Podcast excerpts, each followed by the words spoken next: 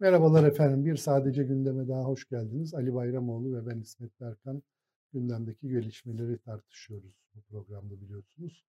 Ee, bu haftanın önemli gelişmelerinden bir tanesi, ekstra önemli gelişmelerinden bir tanesi diyelim. Ee, AK Parti'nin meclise sunduğu seçim yasası değişikliği teklifi. Biliyorsunuz bu seçim yasası değişikliği teklifini AK Parti ve MHP çok uzun süre önce e, konuşmaya başladılar. Hatta e, pazarlıkları da sona erdirdiler. İki lider görüştü. Geçen yılın sonlarından itibaren birkaç kere Cumhurbaşkanı Erdoğan açıkladı. İşte şu gün gönderiyoruz, bu hafta gönderiyoruz filan diye. Fakat nedense bu e, yasa teklifi bir türlü meclise gelmemişti. Bu hafta başında nihayet meclise geldi. Böylece içeriği hakkında daha mutlak bir bilgiye sahip olduk. Öteden beri söyleniyordu işte seçim barajının %7'ye indirilmesi ne karar vereceğiz diyorlardı. Onu talep edeceğiz diyorlardı. Başka birkaç şey söylüyorlardı. Bir dönem dar bölge, daraltılmış bölge tartışmaları oldu iki parti arasında. MHP bunları kabul etmedi. Şimdi üzerinde uzlaşılmış bir metin var karşımızda. Metnin e, metnin getirdiği başlıca e, yenilikleri birazcık özetlemek istiyorum burada. E, birin bir numaralı yenilik şu: bir önceki kanunda yani 2018'de seçim ittifaklarına izin veren yasal düzenleme ile birlikte getirilen kanunda şöyle bir değişiklik yapılmıştı seçim düzenimizde bizim. Önce ittifakların oyları sayılıyor. Diyelim ki Cumhur İttifakı'ndan söz ediyoruz. AK Parti ve MHP'nin oylarının toplamı sayılıyor. Ee, karşısında rakip ittifak varsa işte Millet İttifakı vardı. Millet İttifakı'nın oyları sayılıyor. Başka tek başına giren parti varsa onun oyları sayılıyor herhangi bir seçim çevresinde. Sonra milletvekilleri o seçim çevresinde ittifak oylarına göre dağıtılıyor önce. İşte A ittifakına 3 milletvekili, B ittifakına 2 milletvekili, C partisine de 1 milletvekili gibi bir dağılım ortaya çıkıyor. Sonra A ittifakı kendi içinde aldığı oylara göre o 3 milletvekilini paylaşıyor. B ittifakı da 2 milletvekilini paylaşıyordu. Şimdi bu düzen sona erdiriliyor.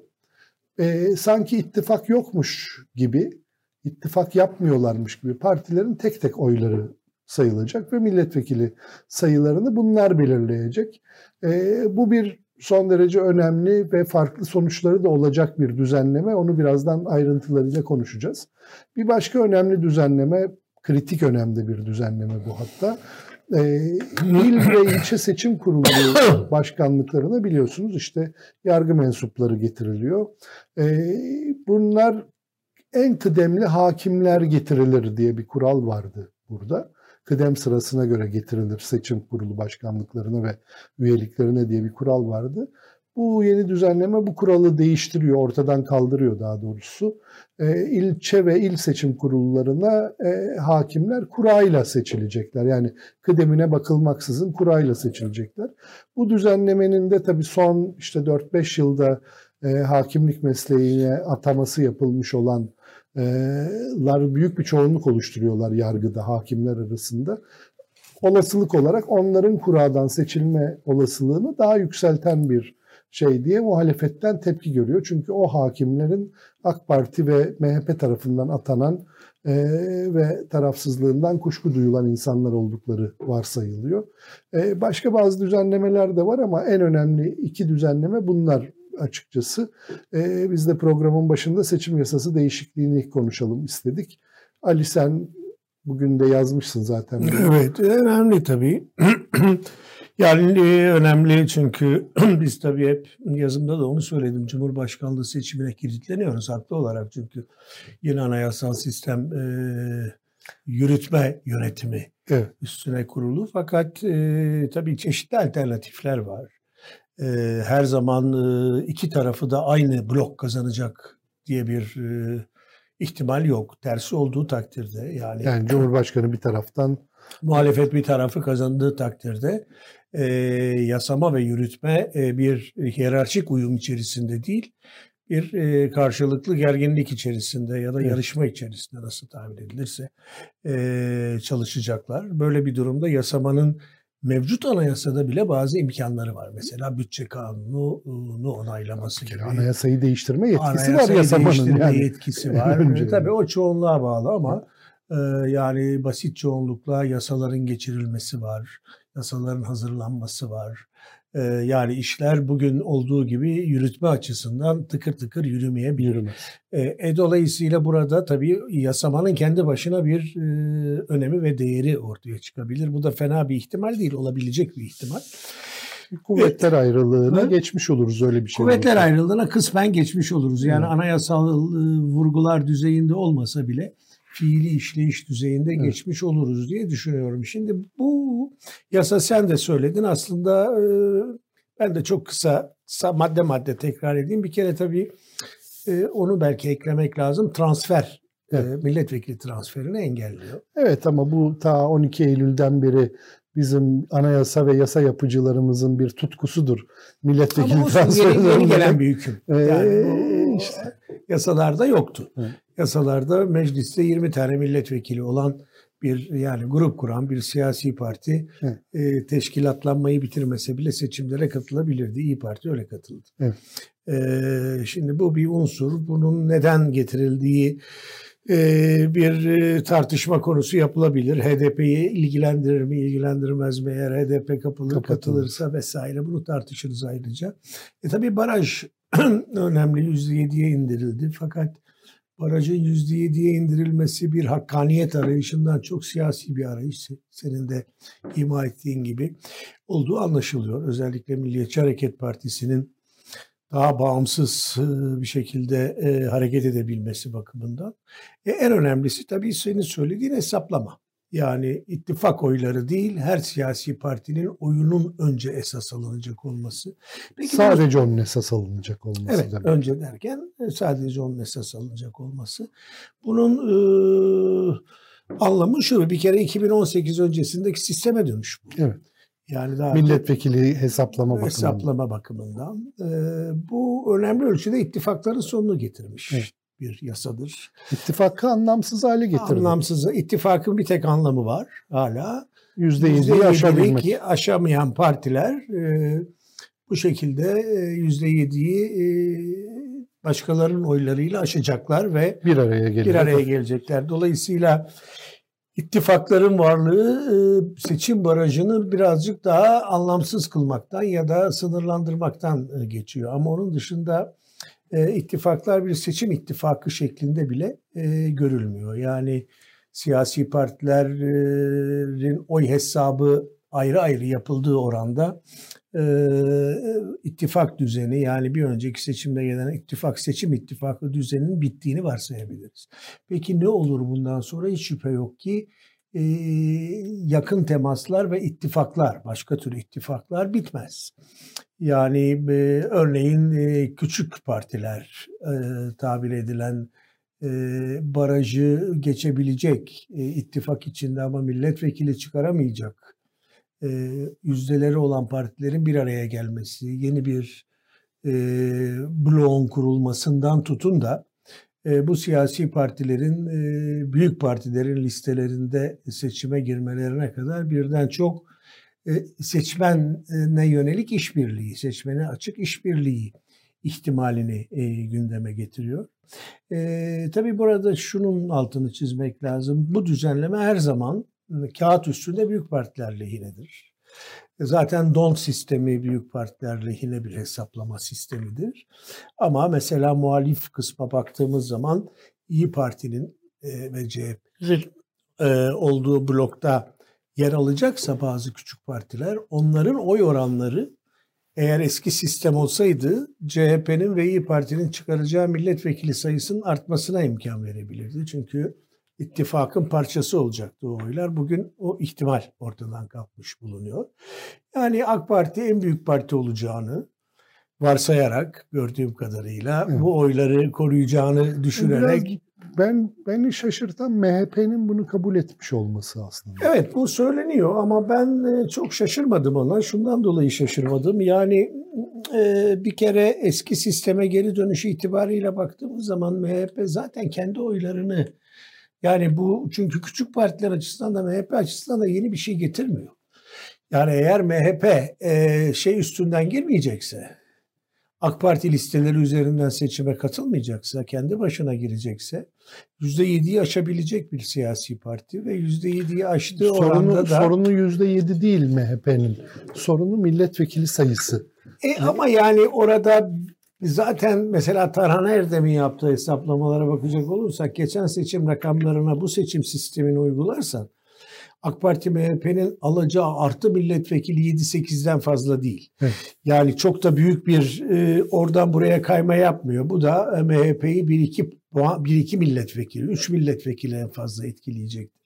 Ama buna karşılık başka şeyler getirdiğini düşünemez miyiz İsmet? Yani bir kere MHP AK Parti'nin kanatları altında, onun e, velayeti ve koruması altında bir seçime katılacak ve bir siyasi parti olacak görüntüsünden de kurtuluyor.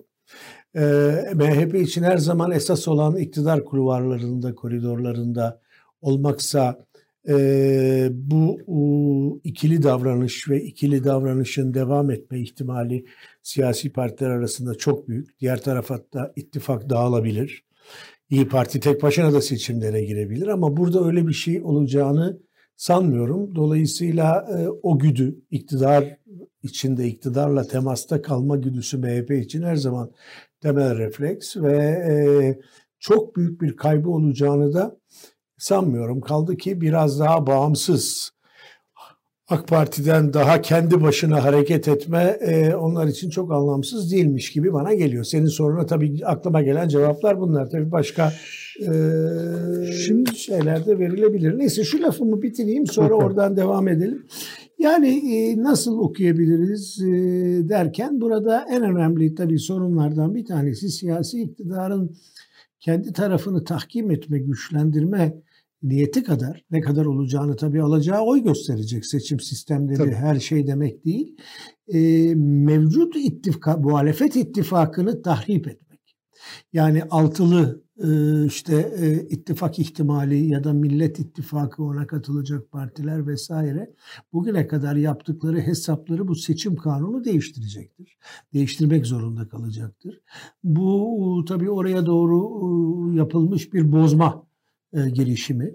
E, özellikle bu işte DEVA gibi, Gelecek Partisi gibi partiler açısından zaten bir sorundu. Her türlü seçim sisteminde sorundu onların bu oy oranlarıyla milletvekili çıkarması. Ama böyle bir durumda iyiden iyiye bu siyasi partileri diğer partilerin listelerine iterse bu iki partinin özellikle en korktukları şeylerden birini söyleyeyim. E, Cumhuriyet Halk Partisi'nin parçası onun Ama oradan kurtulma ona, imkanı veriyor şimdi bu düzenleme aslında bu partilere. Nasıl olacağına bağlı. Yani çünkü bir, birden çok alternatif var. Ya İyi Parti'nin listelerinden girebilirler ya CHP listelerinden girebilirler ya da üçü bir olur. Üçü bir olması da tek başına yeterli mi olur? Ee, nasıl bir milletvekili oranı çıkarırlar? O başka bir tartışma. Ama e, dediğim gibi eski e, davranış kodlarını bir kenara bırakıp yenilerini bulmak zorundalar. En makulü üçünün bir olması, e, olmadı dördüncü bir parti varsa dörtünün bir olması ve güçlerini birleştirmesidir. Belki Gelecek Partisi ile Deva Partisi ayrı ayrı kuruldular. Böyle bir e, süreç onları yeniden e, birleşmeye, yan yana gelmeye iter. Ama onlar açısından bir sorun olduğu e, muhakkak. muhakkak ve e, sadece ittifakların sonu değil. E, Millet İttifakı ya da muhalefet ittifakı alternatiflerini e, işte alt üst eden demeyelim ama oradaki aktörleri yeniden düşünmeye iten bir e, tablo var karşımızda e, diye düşünüyorum. Özetle e, böyle yorumlayabiliriz. Şimdi tabii seçim kanunları öyle kanunlar ki ne yapsanız bir mühendislik yapmış oluyorsunuz. Elbette. Yani çünkü bu sonuçta oylarımızın nasıl sayılacağına, nasıl değerlendirileceğine dair her düzenleme biçimi sonunda bir mühendislik ürünü. Yani bir önceki mühendislik değildi, doğaldı. Şimdi siyaset mühendisliği yapılıyor demek saçma bir şey. Bir önceki de mühendislikti. Ondan önceki de öyleydi. Ondan önceki de öyleydi. Bu işin doğası bu zaten. Bu bir mühendislik. Yaptığınız her şeyinde, her mühendislik çabanın yani doğal akışı belli bir düzene sokmaya çalışan her arayışın da olumlu ya da olumsuz sonuçları oluyor. Şimdi 2018'de bizim sistemimize yeni ilk defa sokuldu seçim ittifakı yapma şeyi. E, ittifak olmanın doğal sonuçlarından bir tanesi niye ittifak yapıyoruz? Oylarımızı birleştirebilmek için. Yani ittifakı birlikte saymaktı. Yani 2018'de yapılan yasa değişikliği makuldü aslında. Dolayısıyla da çok tartışılmadı. ne muhalefet itiraz etti ne kimseden bir, bir söz çıktı. Doğalı oydu, yapılması gereken oydu. Fakat o uygulamanın bir takım sonuçları oldu. Nedir o sonuçlar? Küçük, marjinal denebilecek partilere belli bir güç geldi bu düzenlemeden ötürü. Şimdi bazı partiler küçük olmak için kuruldular 2018'den bugüne gelirken. Bazı partiler büyük olmak için kuruldular ama küçük kaldılar, güdük kaldılar. Kimse hesaba katmıyor ama Mustafa Sarıgül'ün bir siyasi partisi var. Deli gibi her gün orada burada bir yerlerde dolaşıyor bir faaliyetler içinde. Ee, ona da işte 50 bin, 100 bin, 250 bin belki 1 milyon bilmiyorum bir, bir miktar insan oy verecek. Muharrem İnce'nin bir partisi var. Bazı araştırmalarda %3'e kadar çıkabiliyor gösteren. Öyle araştırmalar da gördük. Niye kuruldu bu partiler? Tamamen bu ittifak kanunundan agrandize edilmiş bir avantaj elde edebilmek için kuruldu. Yani Muharrem İnce partisini kuracak ve birden seçimde yüzde yirmi oy alacak böyle bir beklentiyle kurmadı bunu. Bu partiyi kuracak ve bu parti yoluyla bir pazarlık şansı elde edip ittifaklardan birinde diyelim ki 5 milletvekilliği kapacak oradan veya Cumhurbaşkanlığı adaylığı alacak yeniden. Bunun için Mustafa Sarıgül benzer bir şekilde. Ee, bunlar kur, böyle kuruldu. E, zaten küçük olan tarihsel kökenleri itibariyle kuvvetli bir parti olmasına rağmen zaten küçük olan partilerimiz vardı. Saadet Partisi gibi, Demokrat Parti gibi, e, ANAP, DSP, bir, Büyük Birlik Partisi gibi bir takım partiler de var. İşte yüzde bir alıyorlar, yüzde birden biraz az alıyorlar bu partiler filan. Bunlar bir önceki ittifaklara katılmışlardı ama hatırlayalım Saadet Partisi'nin genel başkanı da iki tane milletvekili adayı da CHP listelerinden milletvekili seçildiler sonuçta. Ee, yani ittifakın içindelerdi ama seçime katılmadılar. Seçime e, seçimi bir başka parti üzerinden kazandılar. Şimdi e, böyle bir çarpıklıklar da yaratabiliyordu. Yani doğal ittifaklar için doğal olması gereken bir düzen bir dizi çarpıklığı da beraberinde getiriyordu. Benzer bir şekilde BBP'nin adını hiç anmıyoruz Cumhur İttifakı'nın şey yaparken ama o ittifakın küçük üyesi BBP. BBP'nin genel başkanı da AK Parti listesinden milletvekili seçildi mecliste şu anda. Ee, benzer şekilde HDP'nin içinden iki tane parti çıktı. TKP ve TİP çıktı. HDP ile milletvekili seçilenlerden birkaç tanesi ayrıldılar. Başka partilere geçtiler. Şimdi e, şimdi bu düzenden vazgeçiyoruz. Vazgeçtiğimiz zaman birincisi senin de söylediğin gibi ittifak yapmanın bir anlamı kalmadı artık. İttifak içinde olmanın ifade edebileceği yegane anlam %7 barajını aşabilmek. İktidar olmak için ittifak yapılmayacak artık. E, ya da mecliste çoğunluk oluşturmak için ittifak yapılmayacak artık. E, ne için? Gerçekten seçim ittifakı ve bu da burada da bir e, seçim kanununun getirdiği bir engeli aşmak için yani %7 barajını aşmak için. %7 baraj diye bir baraj hiç olmamalı bana soracak olursan. Çünkü zaten başkanlık sistemiyle yönetiliyoruz. Ee, anayasada yazan seçimler işte yönetimde istikrar ve temsilde adalet diye iki ayrı yöne uçan iki ayrı kuştur bunlar.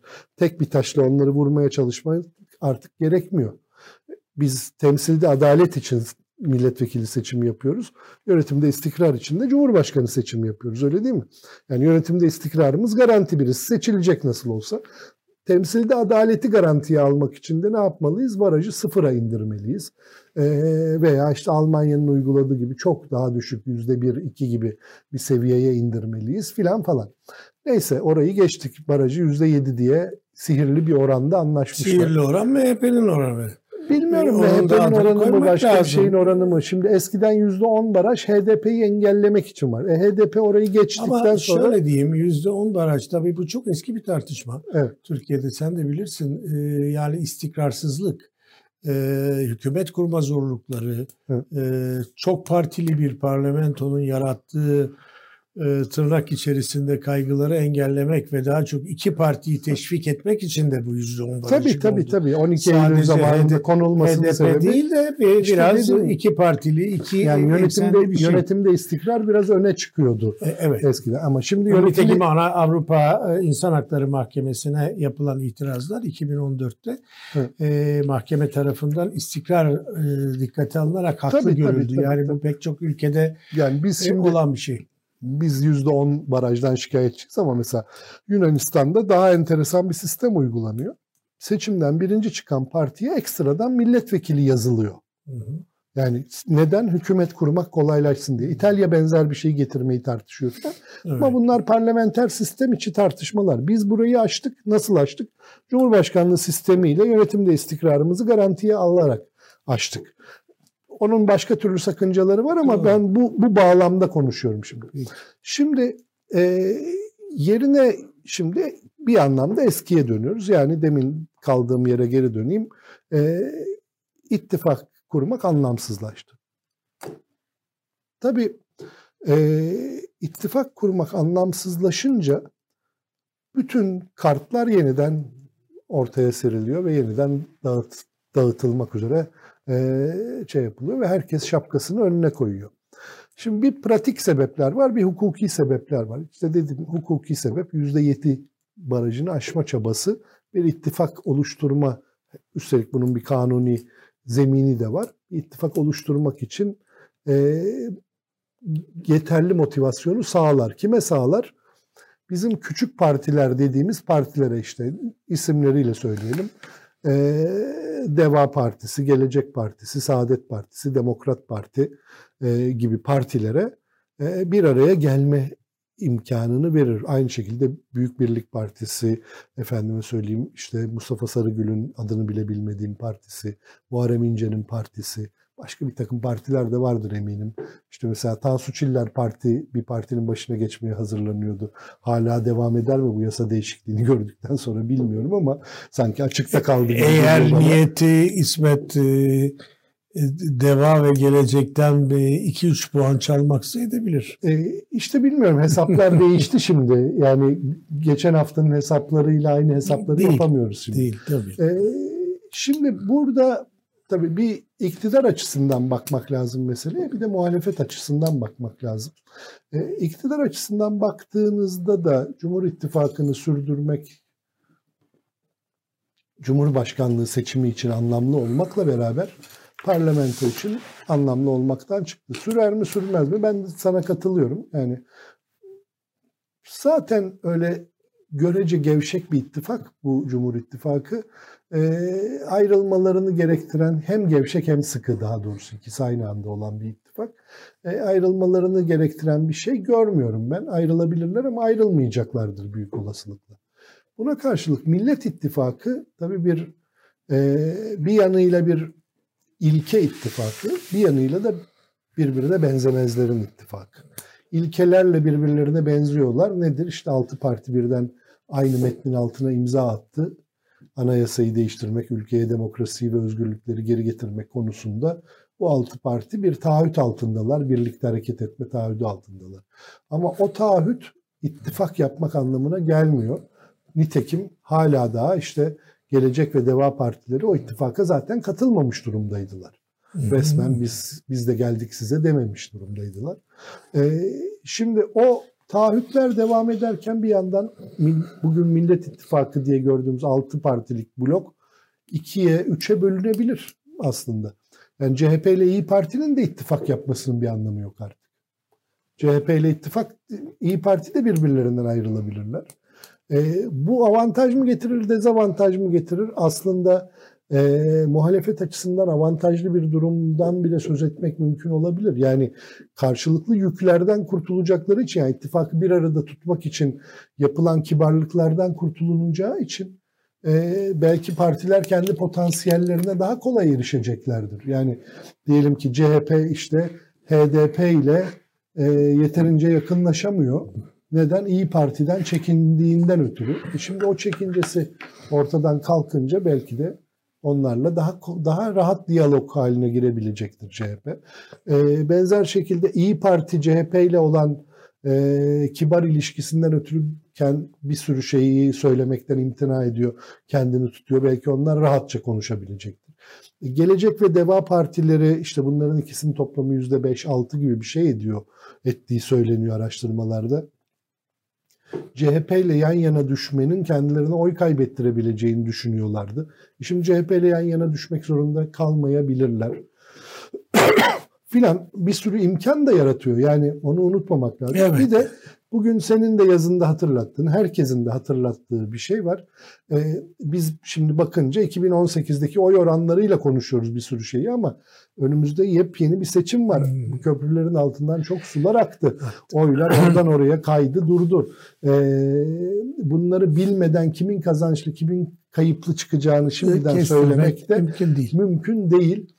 Çoğunlukla da dimyata pirince giden evdeki bulgurdan olur bu işlerde. Geçmiş tecrübemiz bize bunu göstermiştir. İşte Turgut Özal bu oynamayı yaptı, kaybetti.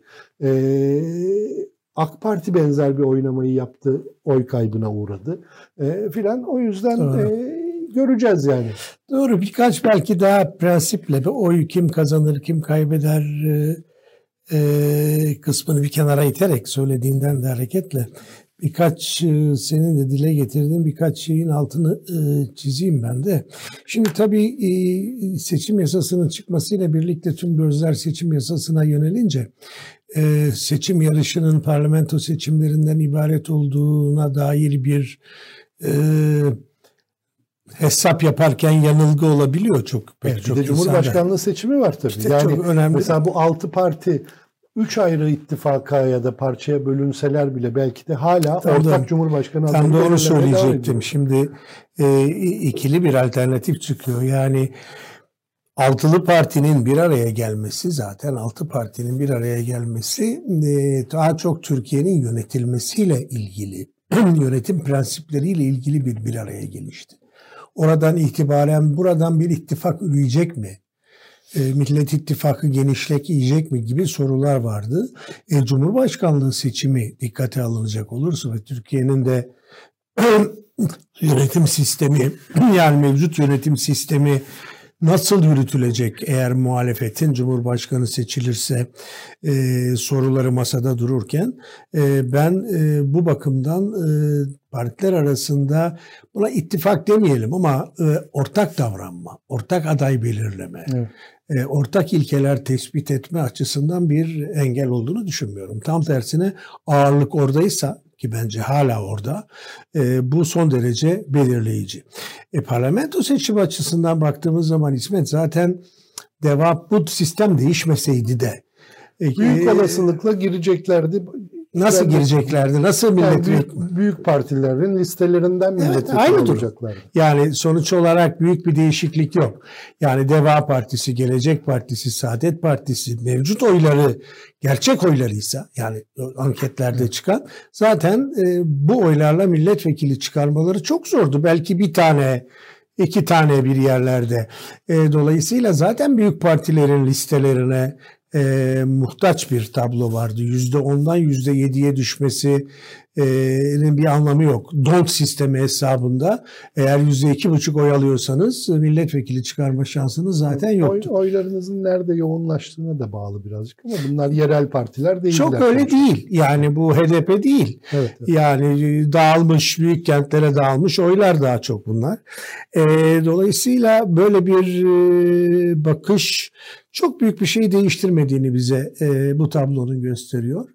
E, parlamento seçimi senin dediğin gibi siyasi partileri, e, muhalif siyasi partileri farklı kombinasyonlara itebilir. Tek tek girebilirler. Ya da küçükler birleşerek girebilir. Bunların hepsini göreceğiz. Ee, diğer taraftan tabii bu istikrar meclis meselesi, istikrar parlamento meselesinin ben hala başkanlık sistemine rağmen önemli olduğunu düşünüyorum. Elbette başkanlık sistemi sıfır e, barajla parlamento seçimlerinin yapılmasını e, gerektirebilir ama unutmamak lazım ki çatışmalı bir ülkede yaşıyoruz. Bir disansüs toplumu yani bir gerginlik toplumu burası. Parlamento bir anda hiç ummadığımız anda çok kuvvetli bir siyaset zeminine dönüşebilir. Yani parlamento kendi kişiliğini ortaya koyabilse Koyabilir. zaten öyle. Yani şöyle olabilir İsmet. Yani e, diyelim ki muhalefet parlamentoyu kazandı. Tayyip Erdoğan da Başkan. başkan, oldu. Şimdi e, bütün bizim e, eleştirilerimize rağmen mevcut anayasa yasamaya güç veriyor. Şimdi ne oluyor? E, Tayyip Erdoğan arkadaşları e, Beştepe'de teklif hazırlıyorlar. AK Parti grubu Oradan kendi adı- milletvekili altına imza atıyor. atıyor. Sanki Çık- kendi- öyle olmayacak. Yasaları onlar o zaman getirilseler bile kendi adlarına getirseler bile geçiremeyecekler.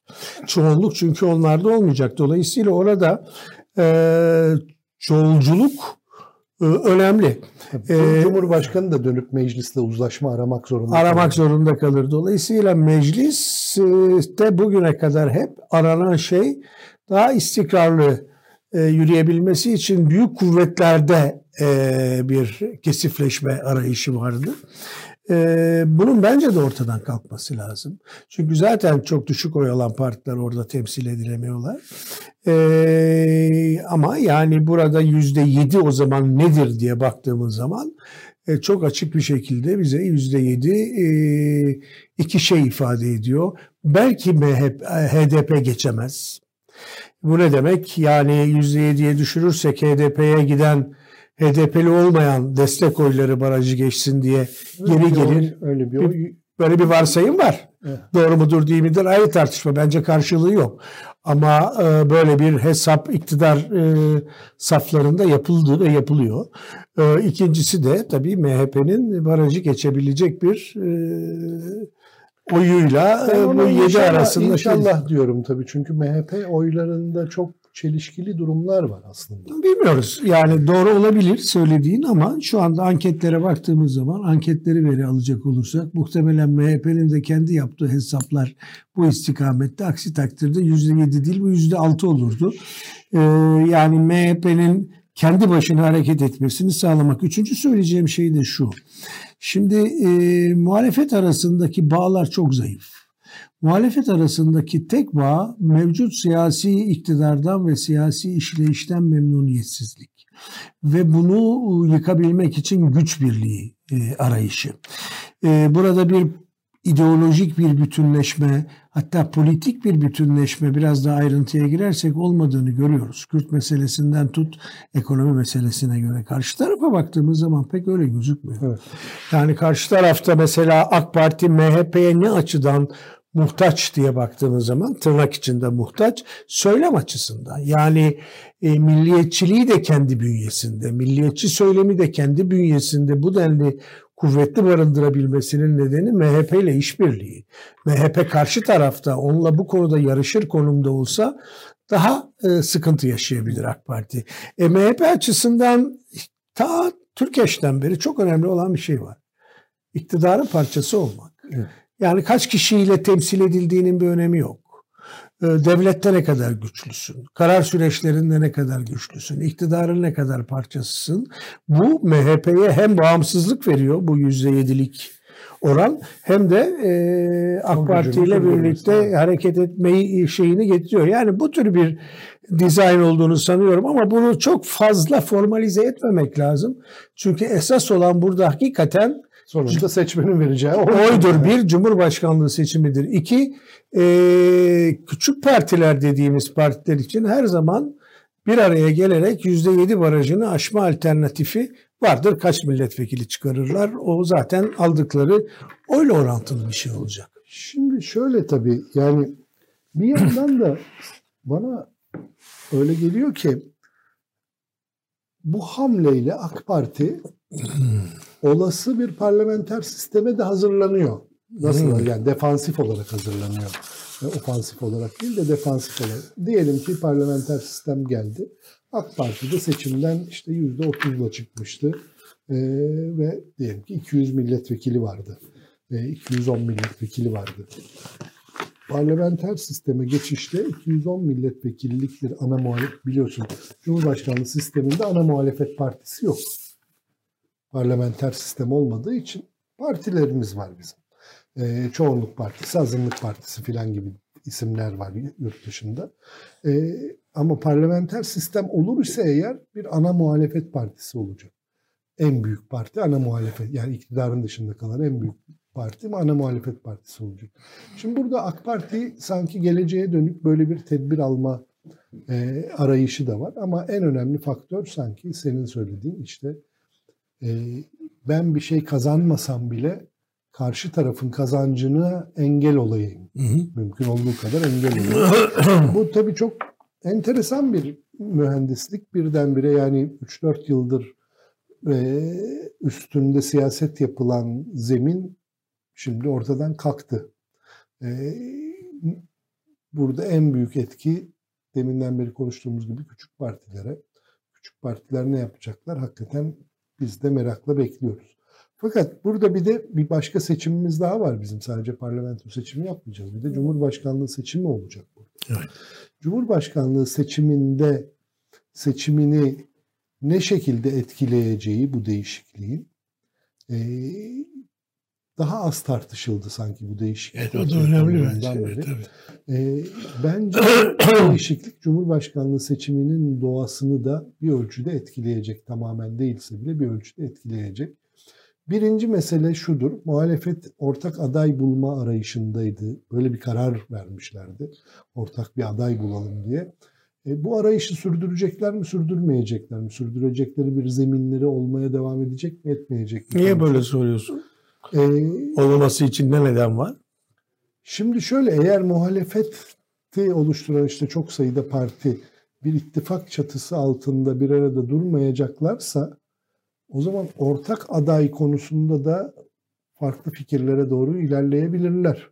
Ya evet, da çıkacak ortak tamam. adayı beğenmezler ise önerilen orta yani büyük partilerin onlara söyleyeceği ya Ahmet ya Ayşe olacak. Ee, bunu beğenmezlerse başka bir yola doğru dönebilirler. Bu bir faktördür yani. İkincisi bu anayasa uzlaşması ya da işte anayasa demokrasi özgürlük uzlaşması altına imza atılan metin hala hayatta mıdır değil midir? Üç gündür muhalefetten bu konuda bir, bir şey gelmedi. Yani Direkt olmasın? bir soruya da muhatap olmadılar bu konuda ama e, biz bu metnin arkasında durmaya devam ediyoruz kardeşim. İstedikleri kadar seçim yasasını değiştirsinler diye bir şey de ben henüz duymuş değilim. Peki ama yani evet yani kaygıların ve soruların makul.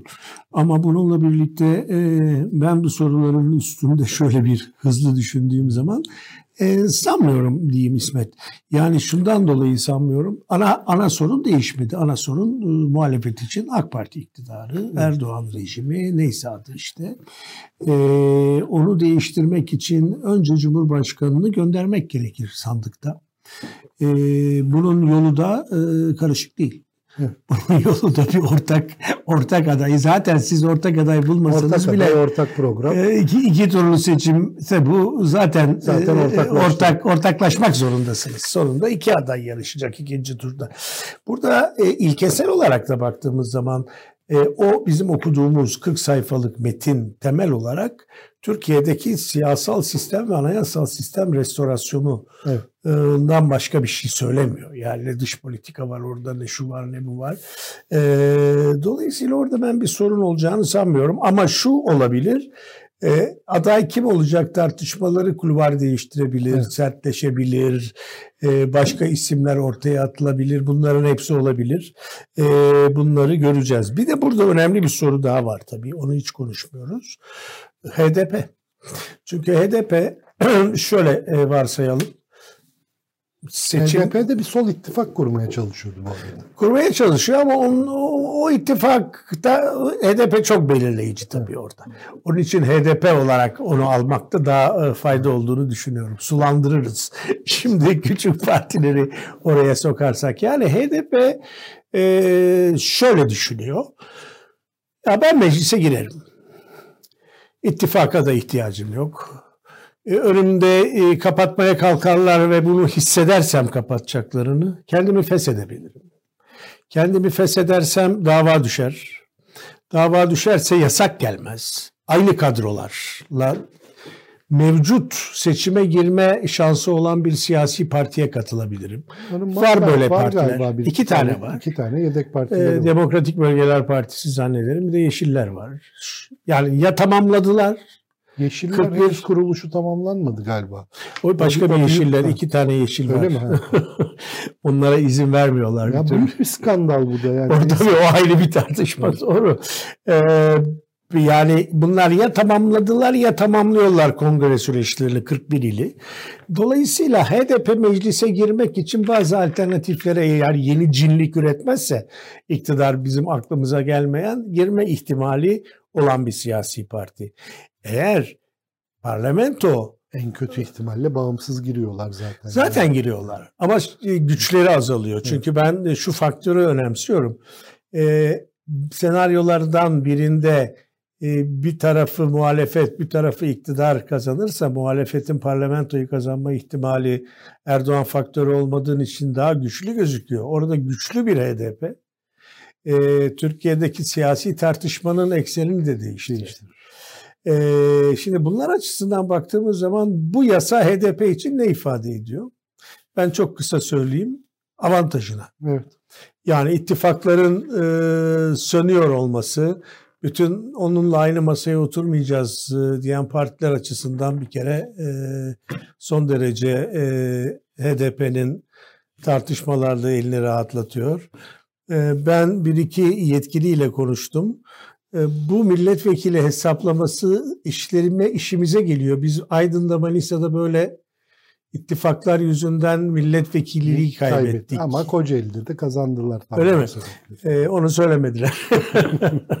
yani o açıdan da bir e, dezavantajları yok. Çünkü şunu ben hep düşünüyordum. Şimdi HDP öyle bir kritik yerde duruyor ki e, oy miktarı itibariyle sanki böyle bir yasada iktidar e, HDP'yi de dikkate alacak bazı düzenlemeler yapacak. Hiç dikkate almamış Evet. gibi gözüküyor. Bilmem O ne diyorsun. 11, 12, 13 neyse onu kenarda tutarak geri kalan yüzde 87, 88 neyse. Değil mi? Öyle O gözüküyor. oylar için bir hesap yapıyorlar. yani. yapıyor gibi gözüküyor. Yani bu bu da bu da ilginç geldi bana. Ama işte HDP için farklı bir hesap olabilir işte bu kapatma İşte onu- davası bilmem ne filan oralardan gelen yani HDP ne kadar cinse iktidar da o kadar cin. O kadar cin. Yani ka- evet doğru. Yani e, kapatma davası e, tabii Anayasa Mahkemesi'nden gelen bilgiler o kadar hızlı olamayacağını gösteriyor. Velev ki Evet, oldu. seçime de bir yıldan fazla Daha var. var. Velev ki oldu ama dediğim gibi e, son hükümden önce e, fesih mümkündür. Fesih mümkün olduğu zaman bütün mevcut milletvekilleri davada adı anılan milletvekilleri yeni parti kurarlar. Yok bu olmazsa. Diyelim ki HDP e, seçimlerden önce kapatıldı. HDP diye bir parti olmayacak. Sadece olmayacak değil, dört milletvekili dışında bütün milletvekilleri öyle hatırlıyorum iddianameyi. Eğer e, buna uygun bir karar çıkarsa siyaset dışı kalacaklar. Bu ne demek? Bu daha alt kadroların milletvekili olarak. milletvekili olarak girmesi demek. Bu siyasette HDP'nin ağırlığının azalma, örgütün e, gücünün artma gelecek kişilerle ihtimali demek. Bence çok kestirilemez sonuçlara yol açar. E, Yani bu bir varsayım. Evet. Yani şu anda da HDP milletvekillerinin geçmiş dönemlerde çok sayıda milletvekilinin ismini bilirdik. Şimdi ben mesela işte bu son dokunulmazlığı kaldırılan hanımın adını sırf bu Bilmiyordum. tartışma sayesinde öğrendim. Ha böyle birisi de varmış. Evet Oldu. ama yani yine orada şöyle bir 15-20 tane HDP'nin içerisinde kuvvetli bildik siyasal geleneklerle Türkiye'nin gelenekleriyle ilişkili isim var. O isimlerin hepsi e, yasaklı e, E duruma işte yani onu buradan devlet açısından söyleyeyim ne kadar tercih edilir bir şeydir. Bence bu da son derece tartışmalı. Hı hı. Ee, yani tanımadığınız, bilmediğiniz genç milletvekillerini e, Tam da onu işte söylemek istiyorum. elinde, elinde Kalaşnikovlarla fotoğrafları olan insanları e, Mı parlamentoda görmek istiyorsunuz yoksa tabii bu mudur? bu mudur? Ee, E, bu istiyor da olabilirler. Yani Belki de, bunu, belki bunu, de. bunu bilemezsin. Yani. E, çünkü e, bugüne kadar e, iktidar tarafının HDP'ye yaklaşımıyla ilgili genel tabloya baktığın zaman e, HDP'yi siyaset dışına itmek, onu PKK ile özdeşleştirmek hakikaten özdeşleştirmeye itiyor. Yani o zaman çünkü daha silahlı olan genç e, büyük bir ortaya çıkıyor. Ayrıca kadro meselesi var. Evet. Yani şimdi burada ben e, şunu düşünüyorum. Ben bilmiyorum sen de katılır mısın? Geçmişte de biz bu konuyu konuştuk. Eğer muhalefet açısından konuşuyorum şimdi. Cumhurbaşkanlığı seçimini kazanamıyorsanız parlamentoda 600 milletvekilinin 500 milletvekilini bile kazansanız bir anlamı yok. Açıkçası şu. Yani çünkü Sınırlı insanların gö- insanların gözünde seçim kazanmak demek Tayyip Erdoğan'ın yerine başka birisinin gelmesi. gelmesi demek. Kaldı ki eğer Tayyip Erdoğan Cumhurbaşkanı seçiliyorsa %50'nin üstünde oy alıyorsa siz parlamentoda da %40'ın üstünde bir performans gösteremezsiniz. Büyük ihtimalle Tayyip Erdoğan'ın Cumhur İttifakı e, parlamentoda çoğunluğu oluşturamasa bile çoğun, çoğunluğa sahip olur. Yani 300'ün üstünde olmasa bile e, en büyük blok o, o, o blok olur. Anlamadım. Şimdi Tayyip Erdoğan'ın Cumhurbaşkanı seçildiği bir durumda, bir senaryoda onun partisi ve o partinin ortağı Cumhur İttifakı e, mecliste azınlıkta kalsalar bile yani salt Tamam. çoğunluk oluşturamasalar bile Evet. yine de en büyük bloku oluştururlar. Muhalefetin çoğunluk oluşturması için muhalefet artı HDP'nin bir araya Ha, gelmesi tabii. mecliste gerekir. Ha, tabii. E, ama Ama bu Cumhurba- eylem biçimi açısından sayısal olarak muhalefet çoğunluğa geçer. Evet ama çoğu kanun için 301 oya ihtiyacınız olmuyor sizin. Ee, çoğu zaman işte disiplinsizlikten ötürü ya da muhalefet arasındaki görüş ayrılıklarından ötürü diyelim ki 260-270 kişiyle kanunları tıkır tıkır geçirebilirsiniz. Ee, çok özel bir karşıt örgütlenme olmadığı müddetçe parlamentoda da hakim durumda kalırsınız aslında. Yani çok Ee, ihtimal değil İsmet. Hayır, çok Mevcut mevcut koşullarda. Çok, çok kritik konularda belki zorlanırsınız ama bazı daha küçük konularda yani şimdi uyduruyorum Diyanet Akademi kurdu. Dün akşam meclisten geçti kanunu. Ya o kadar ilahiyat fakültesi olan bir ülkede bir de Diyanet'in akademisine ihtiyaç var mı sahiden? Sorusunu soran bir kişiye rastlamadım ben daha. Ne bu konuda bir, bir yazı çıktı ne bir haber çıktı ne muhalefetten bir demeç geldi hiçbir şey gelmedi. Şimdi böyle sessiz sedasız kendi kendine bir takım şeyler olup duruyor mecliste. Yani Tabii ama yani e, doğru doğru söylüyorsun. Böyle bir ihtimal var ama bu tabii işleyişin e, işleyişin nasıl söyleyeyim fleksibilitesiyle ilgili. Mesela meclise tezkere gelecek.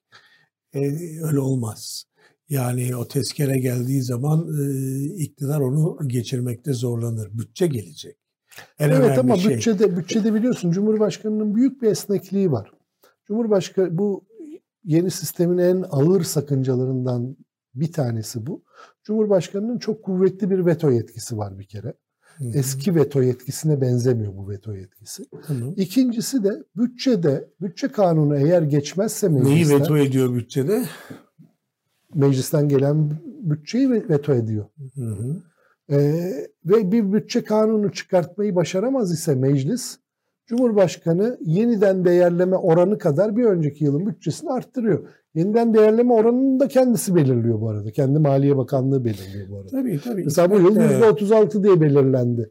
Ee, filan yani e, Yok ben senden daha çok önem veriyorum şeye. hay hay son derece Yasama, önemli. yas, yasamada muhalefetin çoğunluk olmasına Hayır çok bütçe önemli. kanunu reddediyor olması şeyin e, meclisin ve Cumhurbaşkanı'nın yetkileriyle bunu başka tür işleme sokması e, bu Türkiye'de hakikaten bir yeni Büyük bir, bir- büyük bir gerginlik kopma- alan kopma kopmadır tabii. demektir. Yani, Yani bunlar- tabii meclis bütçeyi reddetmez de meclis kendi bütçesini yapıp gönderebilir. Cumhurbaşkanının gönderdiği bütçe kanunu tasarısında büyük değişiklikler yapar ve kendi önceliklerine göre bir bütçe belirleyip Cumhurbaşkanına gönderebilir. Cumhurbaşkanı da onu veto eder. Ee, ve ülke ve, e, bütçesiz kalır. Ama bu Amerika'da yaşanan şey gibi şeyler Türkiye'de yaşanmaz. Yani hükümet birdenbire bütçesi olmadığı için maaşları bile veremez hale gelir filan. Öyle bir şey ve dolayısıyla bütün memurlarını ama yani izne çıkartır öyle bir şey olmaz Türkiye'de. E, olmasın diye daha doğrusu Cumhurbaşkanı'na böyle bir yetki verildi. E, kendi bütçesini kendi belirleme Yani yetkisi. burada şu ihtimal daha kuvvetli bence. Ee, ben e, mevcut sistemin tek adam sistemi olarak dizayn edildiğini herkes gibi görüyorum. Fakat her şeye rağmen e, organlar özellikle yürütme organı ve yasama organının birbirinden farklı olarak e, varlığı hatta dizaynı aradaki geçişler olsa bile eğer siyasi karşılaşmanın ve kamplaşmanın bu ikisi arasında olması halinde e, siyasetin dinamizm kazanacağı muhakkaktır. Yani bir kere onun altını çizmek lazım bir. E, ikincisi e, mesela bazı sorunlar, Kürt sorunu gibi bir sorunda HDP'ye duyulacak ihtiyaç e, yeni alternatifler Türkiye'nin önüne çıkarabilir. Yani siyaset alanı parlamenter sisteme geçmeden bile öbür tarafa kayabilir. En büyük riskin şu olduğunu düşünüyorum. Tayyip Erdoğan Cumhurbaşkanı kalır, parlamentoda çoğunluk muhalefet olursa e, Cumhurbaşkanı fiili durumlar yaratabilir. Ya da mevcut anayasadaki hükümleri daha da sert ve fiili olarak Tabii. uygulayabilir. Ben, o zaman da krizlerle karşı karşıya ben, kalırız. Yani bugünkü gibi hiçbir şekilde olmaz. Ben ona daha az ihtimal veriyorum. Benim yüksek ihtimal verdiğim şey şu. Cumhurbaşkanı muhalefetin belirleyeceği ortak aday seçiliyor. Hı hı. Ama mecliste çoğunluğu e, AK Parti ve MHP oluşturuyor.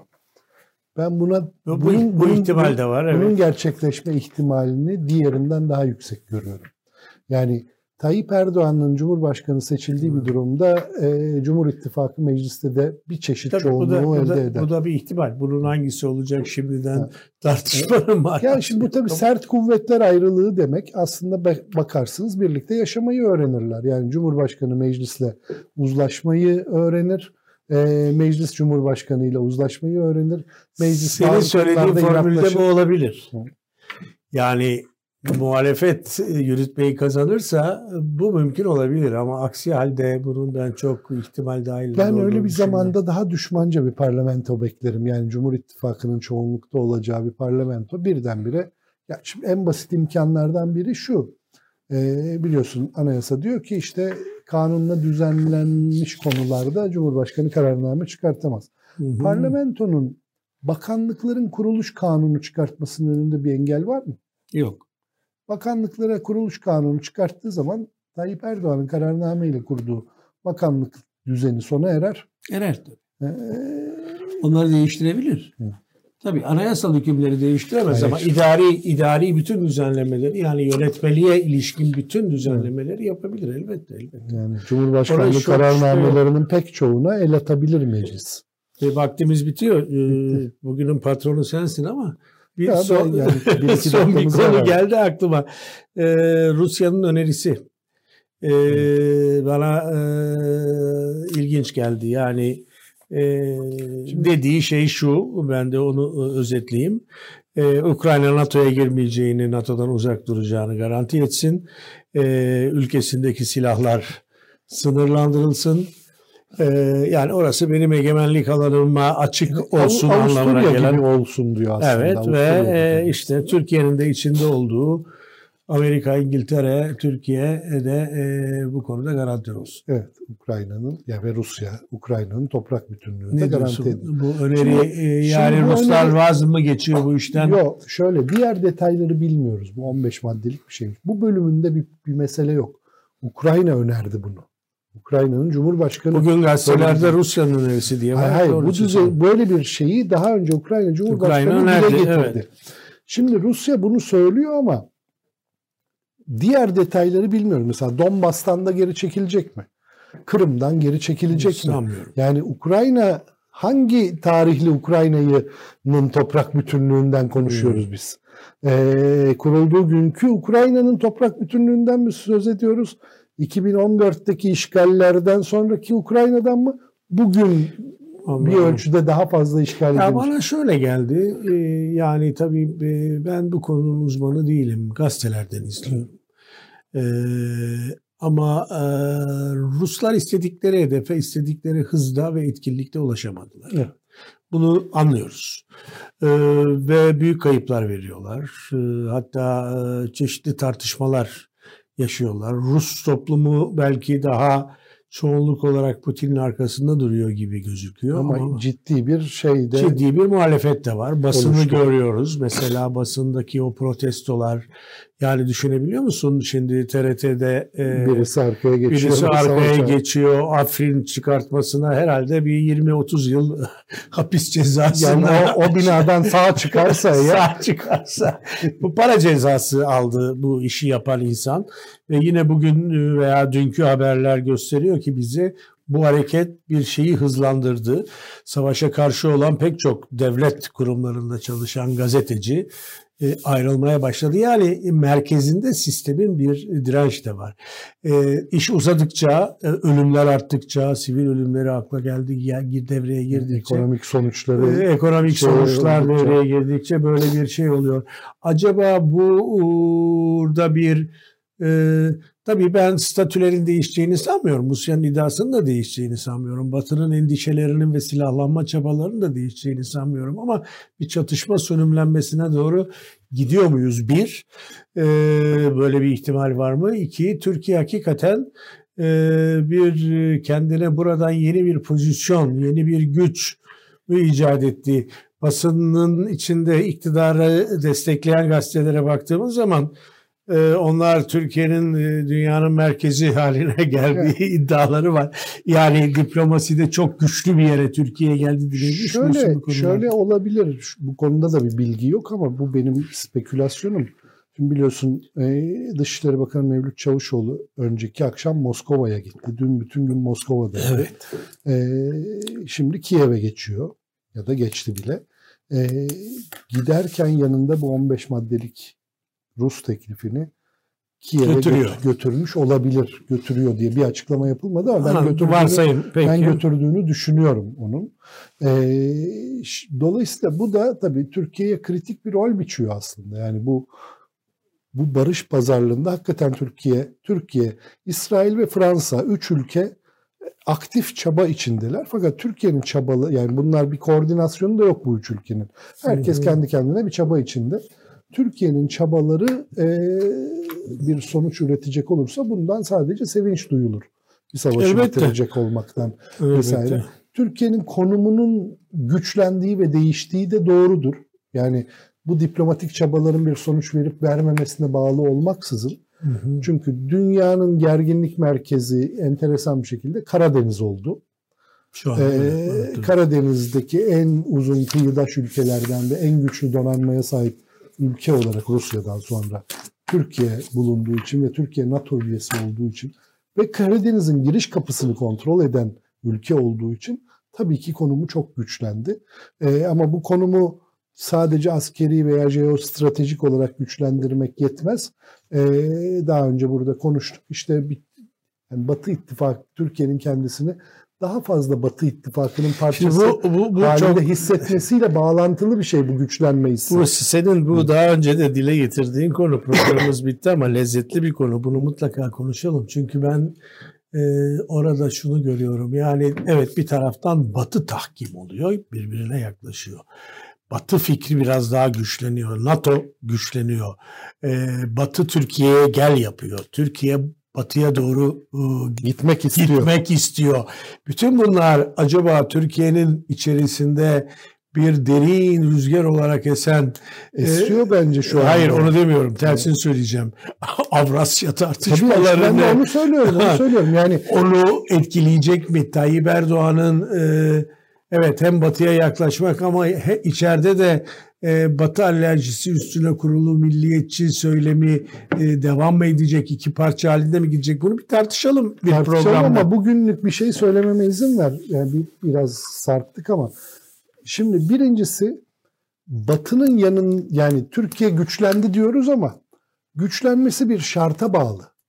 NATO ile birlikte hareket etmesi yani ben NATO'dan ayrıyım kardeşim ben Rusya ile de denge yapıyorum dediğiniz zaman o güçlü Yok, konumunuz öyle bir şey olmuyor. Güçlü evet. konumunuz e, birdenbire eski pozisyona geri dönüverir. Bir bunu hiç unutmamak lazım. Yani duvara yazmak lazım.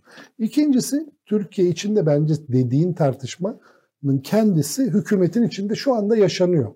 Yani Berat Albayrak'ın kitabından tut da Süleyman Soylu'nun durduk yerde verdiği demece e, kadar E, bu konu canlı bir tartışmanın konusu.